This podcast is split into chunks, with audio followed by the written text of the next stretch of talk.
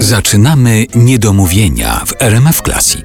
Oto Artur Andrus i jego gość. Dzień dobry Państwu, to są niedomówienia w RMF Classic. Dzisiaj naszym gościem jest Alosza Awdiejew. Witam serdecznie kochanych słuchaczy. Ja też do tego klubu należę, bo ciągle słucham właśnie RMF Classic. Szczególnie jak mnie życie obrydnie, prawda? Jestem bardzo rozczarowany tym życiem, to od razu, od razu mi się lepiej robi. No i mamy nadzieję, że po tej dzisiejszej rozmowie też paru osobom, albo nawet w trakcie się lepiej zrobi. Ja zacznę, uwaga, od razu od mocnego pytania. Ile w XVII wieku w Polsce kosztował olej? Ja nie jestem przekonany, czy w ogóle był olej w XVII wieku. No, nie jestem specjalistą, tak.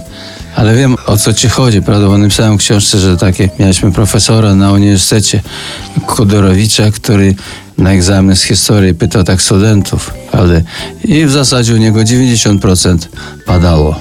A ty jako profesor masz taki swój olej XVII-wieczny, to znaczy masz jakieś takie pytanie, które wiesz, że kiedy zadasz to 99% Ale z- z- studentów mo- nie Moim celem jako profesora nie jest człowieka upupić, prawda, czy zniszczyć, tylko wydobyć różnymi sposobami z niego te resztki, które tam zostały jego wiedzy, prawda?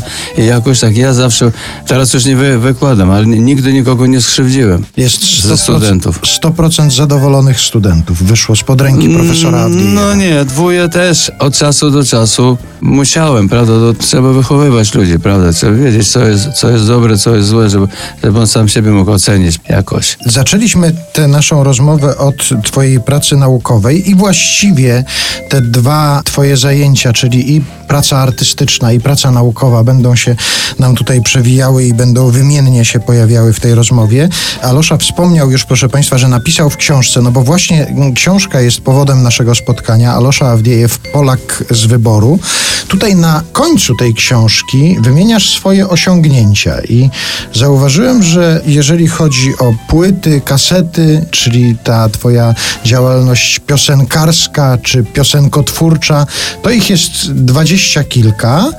I najważniejsze publikacje naukowe też mniej więcej tyle wymieniasz. Czy to znaczy, że to są dwa równorzędne dla ciebie zajęcia i nauka i, i, i występowanie, czy, czy jednak któreś jest ważniejsze?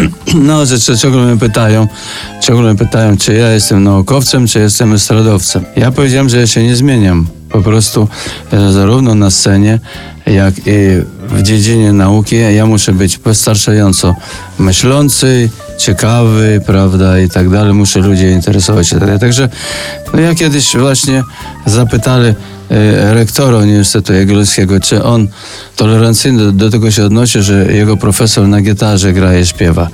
A on mówi, że każdy profesor musi umieć pociągnąć publiczność. Każdy profesor. Jeżeli profesor nie pociąga publiczność, to co on może pociągnąć? No?